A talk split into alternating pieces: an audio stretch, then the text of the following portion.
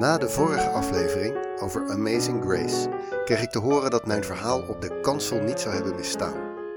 Was bedoeld als een compliment, geloof ik, en zo heb ik het ook opgepakt. Maar dat geeft me wel het gevoel dat het wel weer eens tijd is voor een natuurwetenschappelijk onderwerp.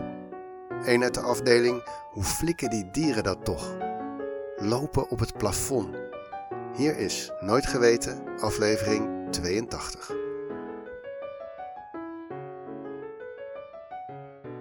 Soms kan je er toch jaloers van worden als je ziet wat allerlei dieren zomaar kunnen.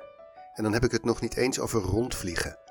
Maar dat een vlieg bijvoorbeeld ondersteboven kan landen op een glasplaat en daar dan op kan blijven zitten. Hebben die beesten helemaal geen zwaartekracht of zo? Ook mieren en spinnen lopen met het grootste gemak over een verticale glasplaat of zelfs ondersteboven over het plafond. Hoe flikken ze dat toch? Laten we beginnen met de makkelijke gevallen. Een slak bijvoorbeeld. Het is wel duidelijk dat die een soort lijm gebruikt. Een extra stof die heel erg plakt aan de muur en ook aan hemzelf, maar waarschijnlijk wat minder aan hemzelf, want anders zat hij vast. Hij kan die lijmlaag ook loslaten. De vervolgvraag is dan natuurlijk hoe lijm eigenlijk werkt, en daar komen we later op. Wat ook wel duidelijk is, is dat kleine diertjes het makkelijker hebben dan grote dieren. Dat is logisch. Als je bijvoorbeeld een slak neemt en je maakt hem twee keer zo groot, dan neemt het oppervlak van zijn voet waarmee hij vastgelijmd zit toe met een factor 4 en zijn gewicht met een factor 8. Dus hoe groter de slak, hoe sterker de lijm moet zijn en een heel klein slakje heeft misschien wel genoeg aan gewoon mensenspuug. En bij vliegen is dat ook hoe het werkt. Vroeger dachten we dat vliegenpootjes kleine haakjes hadden waarmee ze zich konden vastgrijpen aan kleine oneffenheidjes in de muur. Maar dan zou je verwachten dat ze van een glasplaat zo naar beneden zouden vallen. Inmiddels weten we dat vliegenpootjes, en trouwens ook die van mieren en spinnen, een heel klein beetje vloeistof uitscheiden. En als je maar licht genoeg bent, is dat genoeg. Als je heel goed kijkt met een microscoop, dan kan je bij een vlieg die over het glas loopt een spoor zien van vochtige plekjes die hij achterlaat. Dus voor veel van dat soort raadsels is het antwoord dat als je maar heel klein bent, dat dan de regels anders werken dan wij gewend zijn en dat je je met een beetje spuug op je handen zou kunnen vasthouden aan het plafond. Maar dan blijft er wel een categorie over: hagedissen en gekko's. Die zijn veel groter dan een vlieg en toch lijkt de zwaartekracht geen vat op ze te hebben. Met name gekko's. Ze lopen met groot gemak ondersteboven en ze laten geen enkel spoor achter. Magisch. Ze zijn trouwens ook veel te zwaar om te blijven plakken met een gewoon stofje. Dat zou al een behoorlijk sterke lijm moeten zijn. En gekko's kunnen blijven hangen met de kleefkracht van één teen.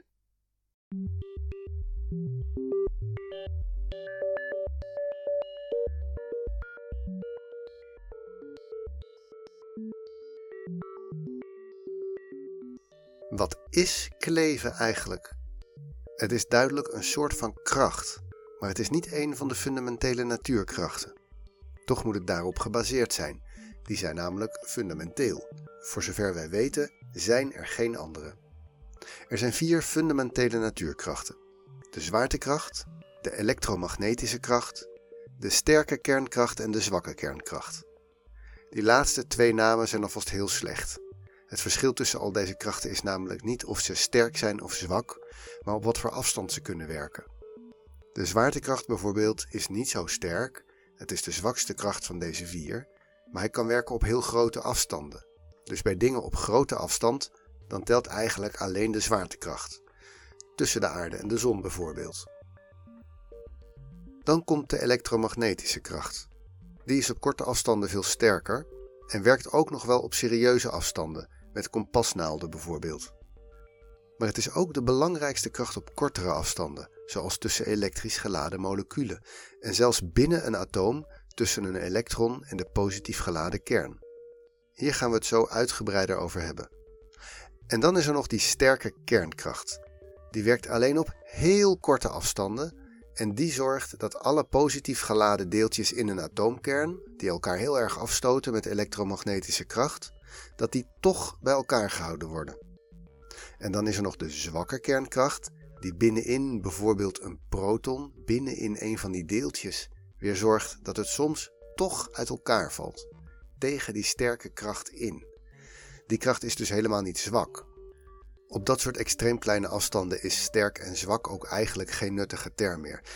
Het is meer dat de sterke kracht meestal wint en de boel bij elkaar houdt, maar dat de zwakke kracht heel soms toch ook kan winnen. Nou ja, laat die maar even. Terug naar die twee eerste krachten. Die zijn voor dit verhaal relevant. Als een gekko ondersteboven aan het plafond hangt, dan zijn er meerdere krachten aan het werk.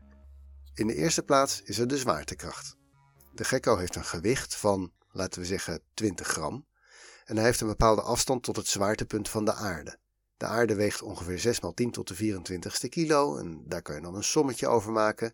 En dan blijkt de aarde met een kracht van ongeveer 0,2 newton aan de gekko te trekken. En andersom, de gekko trekt net zo hard aan de aarde. Vervolgens zijn er een heleboel varianten van de elektromagnetische kracht aan het werk. De gekko bestaat uit cellen, elke cel uit allerlei verschillende moleculen. De moleculen bestaan weer uit allemaal atomen met chemische bindingen ertussen. En de atomen hebben een kern met positief geladen protonen erin en elektronen die daaromheen draaien. We doen hier even alsof dat allemaal deeltjes zijn en niet ook golven. Dat maakt voor dit verhaal niet uit. Een elektron blijft in zijn baan rond een atoomkern omdat plus en min elkaar aantrekken. Dat is niet zo ingewikkeld. Maar vervolgens zitten al die atomen aan elkaar als moleculen. Dat is al ingewikkelder. Soms, bij kristallen bijvoorbeeld, is het zo dat sommige atomen meer plus dan min zijn en andere andersom. En als je die dan netjes om en om legt, dan kleeft dat allemaal lekker aan elkaar. Maar bij andere stoffen is dat niet zo duidelijk. Bij de meeste moleculen waar gekko's van gemaakt zijn, daar zitten de atomen aan elkaar doordat ze elektronen kunnen delen. Een soort schaalvoordeel. Twee atomen zouden allebei wel graag hun eigen elektron willen hebben, en samen zijn ze beter af dan als of de ene of de andere in zijn eentje dat elektron heeft. Dus blijven ze bij elkaar in de buurt. Dat noemen we een covalente chemische binding. En dat zorgt ervoor dat bijvoorbeeld watermoleculen niet uit elkaar vallen in waterstof en zuurstof. Samen zijn ze beter af. Dus zo komt het dat elektronen bij protonen blijven om een atoom te vormen en dat atomen bij elkaar blijven om een molecuul te vormen. In grote lijnen. We doen nog een stapje achteruit. Waarom blijven sommige moleculen liever op zichzelf rondzweven als gas, zoals zuivere zuurstof, terwijl andere bij elkaar kruipen als vaste stof of als een druppel vloeistof? Dat komt natuurlijk ook weer door krachten. Weer elektromagnetische krachten. We hebben het nu dus over stabiele moleculen, niet speciaal positief of negatief geladen. Als die heel dicht bij elkaar in de buurt komen, dan kunnen ze elkaar ook aantrekken en afstoten. Het hangt een beetje af van hoe de lading verdeeld is over het molecuul. Water is weer interessant.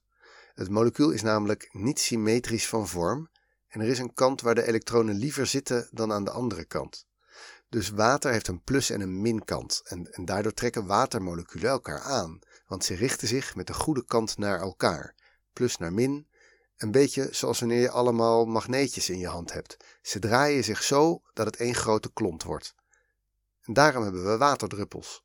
Water, zeggen we, is polair, een plus- en een minkant, en daarom is het vloeibaar, terwijl stoffen die niet polair zijn, maar ongeveer even zwaar, zoals aardgas, een gas zijn. Bij kamertemperatuur en normale druk dan in ieder geval. Oké, dan komen we nu bij de kracht waar het om gaat. Als je moleculen hebt die niet speciaal positief of negatief geladen zijn, en de lading zit ook niet lekker aan één kant, zoals bij water, dan nog kunnen moleculen elkaar een beetje aantrekken. Die kracht is vernoemd naar de Nederlandse Nobelprijswinnaar Van der Waals, de Van der Waalskracht. Dat werkt ongeveer zo. Als een molecuul min of meer neutraal is van lading, dan kan het nog steeds soms zo zijn dat de lading tijdelijk aan één kant zit. En als moleculen dan bij elkaar in de buurt zitten, dan zal de buurman typisch ook zijn lading een beetje onevenwichtig verdelen. Als de buurman aan jouw kant negatief is, dan verhuis je je eigen lading zoveel mogelijk naar de andere kant.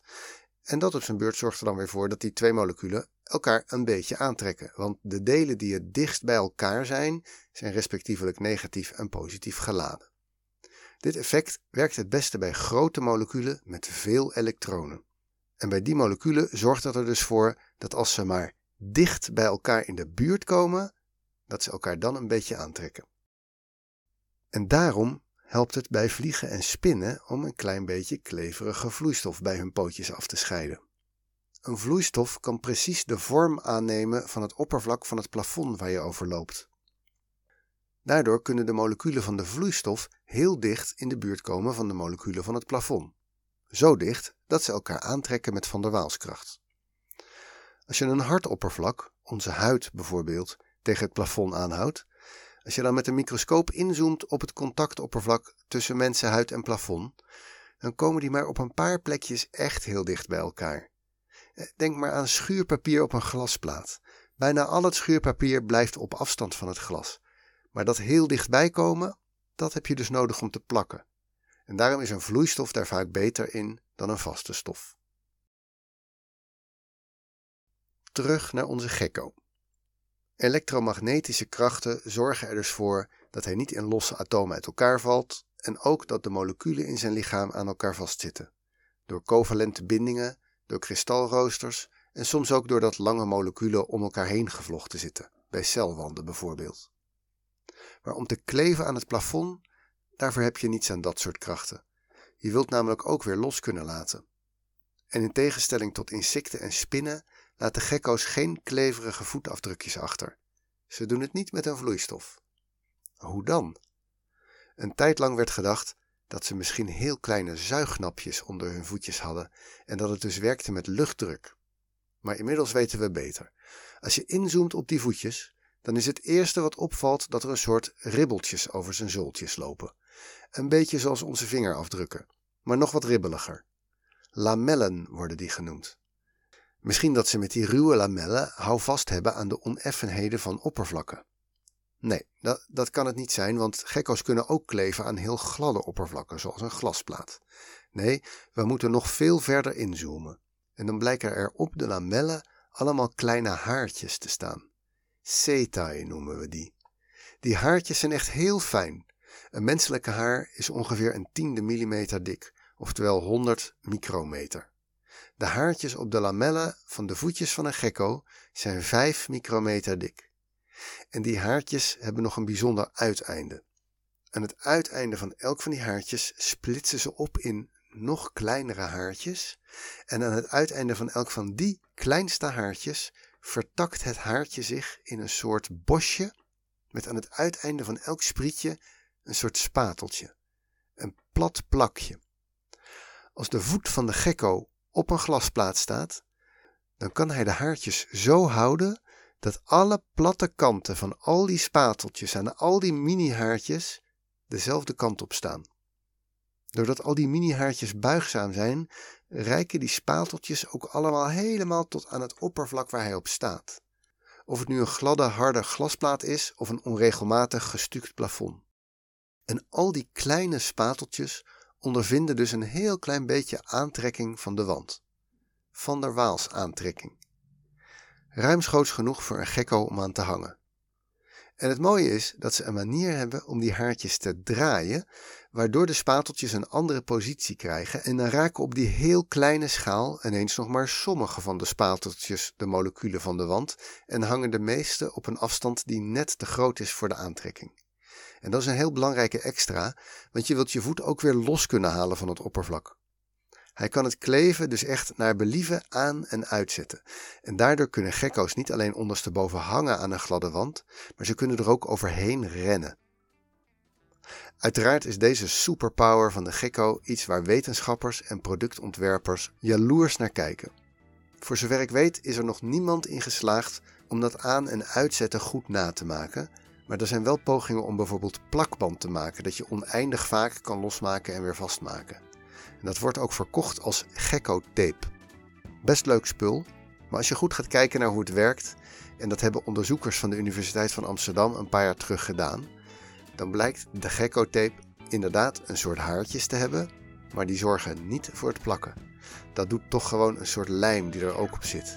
En die dus ook een beetje achterblijft op het oppervlak. Dus de Gecko-tape die nu op de markt is, blijft niet eeuwig plakken. Het is wel tape, maar niet Gecko.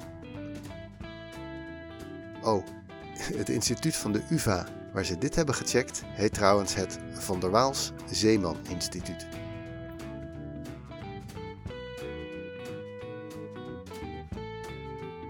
Dit was aflevering 82 van Nooit Geweten. De oplossing van de fotopuzzel was de Nederlandstalige Wikipedia-pagina over gekko's. Vreemd genoeg werd dat maar door zes mensen geraden, terwijl er wel een heleboel puzzelaars de puzzel hebben geprobeerd. Die raden wel termen zoals CETA, hechtlamellen of van der Waalskracht, maar kennelijk was het lemma gekko's te voor de hand liggend om te proberen. Volgende keer beter. Nooit Geweten wordt gemaakt door mijzelf, Teun Duinstee, en is een hommage aan Wikipedia. Ken je iemand die dit een leuk verhaal zou vinden? Stuur het dan door.